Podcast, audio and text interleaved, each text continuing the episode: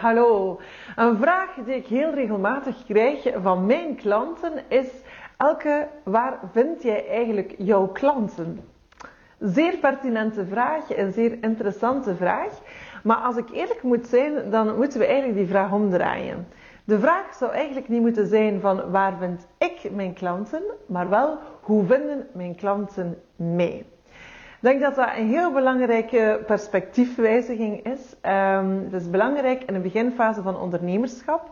Als je net lanceert als trainer of als coach of therapeut of als ondernemer toekoor, is het gewoon kei belangrijk dat de buitenwereld van jouw bestaan af weet.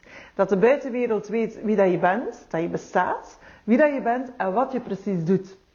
En die buitenwereld die kan dat alleen maar te weten komen als jij er wat ruchtbaarheid aan geeft. Als, uh, als jij wat tamtam -tam maakt rond jouw persoon, rond wat je te bieden hebt, rond wat je doet.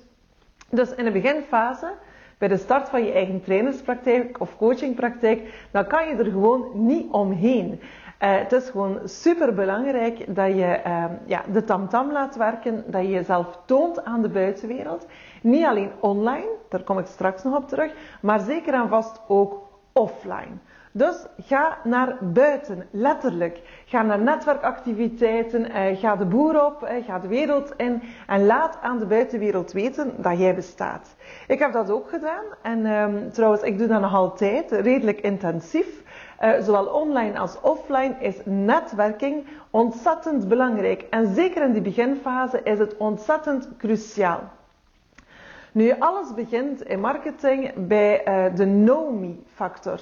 Er zijn vier fasen in marketing die jouw klant, ook mijn klant en ook alle andere klanten doorlopen om effectief tot het kopen of het buyen over te gaan. En die fasen zijn know me, like me, trust me en buy me.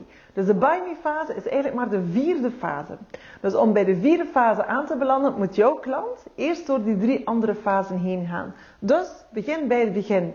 Zorg ervoor dat jouw klant jou kent. Dat hij weet van, ah, die persoon, um, dat is die persoon en die doet dit of dat. Hè. Dus zorg dat het duidelijk is voor de buitenwereld. Nu, wees wel heel selectief in jouw, um, in jouw activiteiten uh, waar je naartoe gaat, de evenementen waar je aan deelneemt. Wees daar een beetje kritisch in of een beetje selectief in.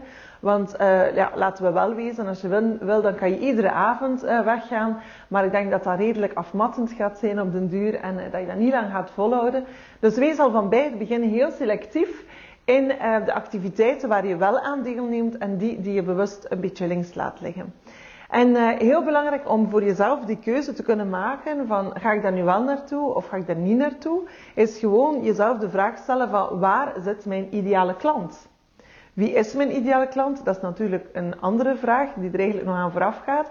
En als je de ideale klant weet, ja, dan weet je ook waar je die moet gaan opzoeken. Waar je kans, de kans reëel is of zeer groot is om die daar tegen het lijf te lopen. Als jouw ideale klanten bijvoorbeeld uh, ondernemers zijn, als dat uh, ja, bedrijven zijn, ondernemers zijn, ja, ga dan naar die activiteiten waar je ook ondernemers tegen het lijf loopt.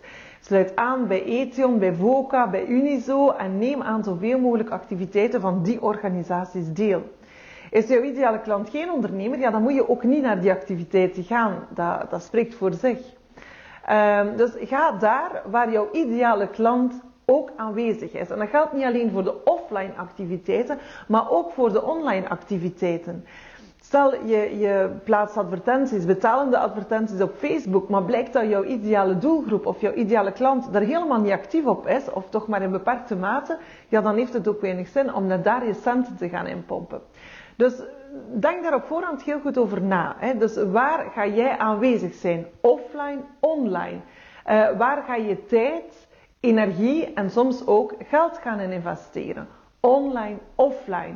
Maar in ieder geval, zorg dat je naar buiten komt. Uh, ga de boer op, uh, ga de markt gaan verkennen en zorg dat de mensen weten wie dat je bent. Hè. Zorg dat, je, dat ze weten dat je bestaat en dat ze ook weten wat jij precies uh, doet. Super belangrijk dat, dat je daar werk van maakt. Maar laten we wel wezen, ook dat is iets wat ik niet voldoende kan benadrukken. Um, als je er zelf voor kiest om rechtstreeks klanten te gaan werven, dan kies je heel bewust voor het ondernemerschap. Dan kies je ervoor om een ondernemende trainer, coach of therapeut te zijn. En ondernemers, dat is niet hetzelfde als freelancers. Je kan freelancen en je kan ondernemen, maar dat is helemaal anders. Um, het enige wat ze gemeenschappelijk hebben is dat ze alle twee een ondernemingsnummer, btw-nummer, zelfstandig statuut hebben, maar daar stopt het dan ook zo ongeveer. Um, als je freelancer bent, dan, is, dan hang jij gewoon je kar aan een grote kar en die grote kar die trekt dan wel voor jou en die zorgt er wel voor dat er marketing en sales gebeurt en dat je opdrachten binnenkrijgt. Maar als je niet freelance en je beslist of je kiest ervoor om eigen rechtstreekse klanten te gaan binnentrekken, ja, dan moet je wel ondernemen. Dan moet je wel bepaalde acties gaan ondernemen om die klanten tot bij jou te krijgen.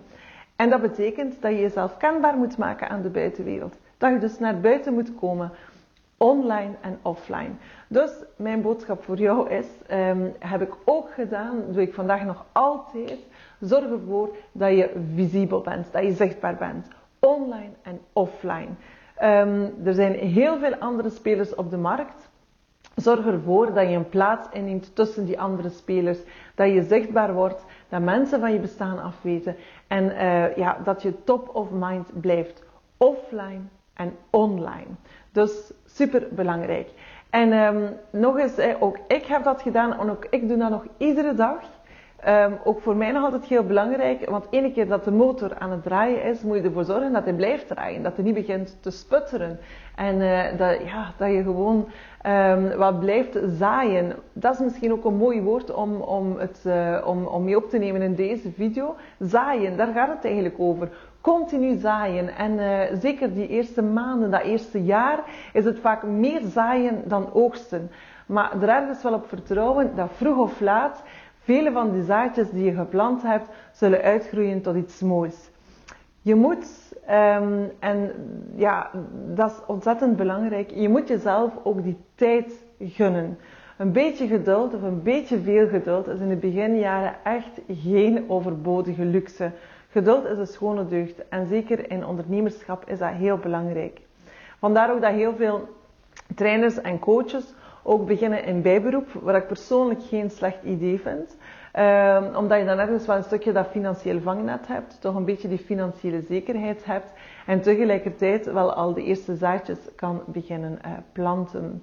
Dus um, voilà, ik wens jou heel veel succes in jouw ondernemerschap, in jouw acties, in alle acties die je gaat ondernemen om jouw trainersactiviteit, jouw trainingspraktijk of jouw coachingpraktijk te lanceren.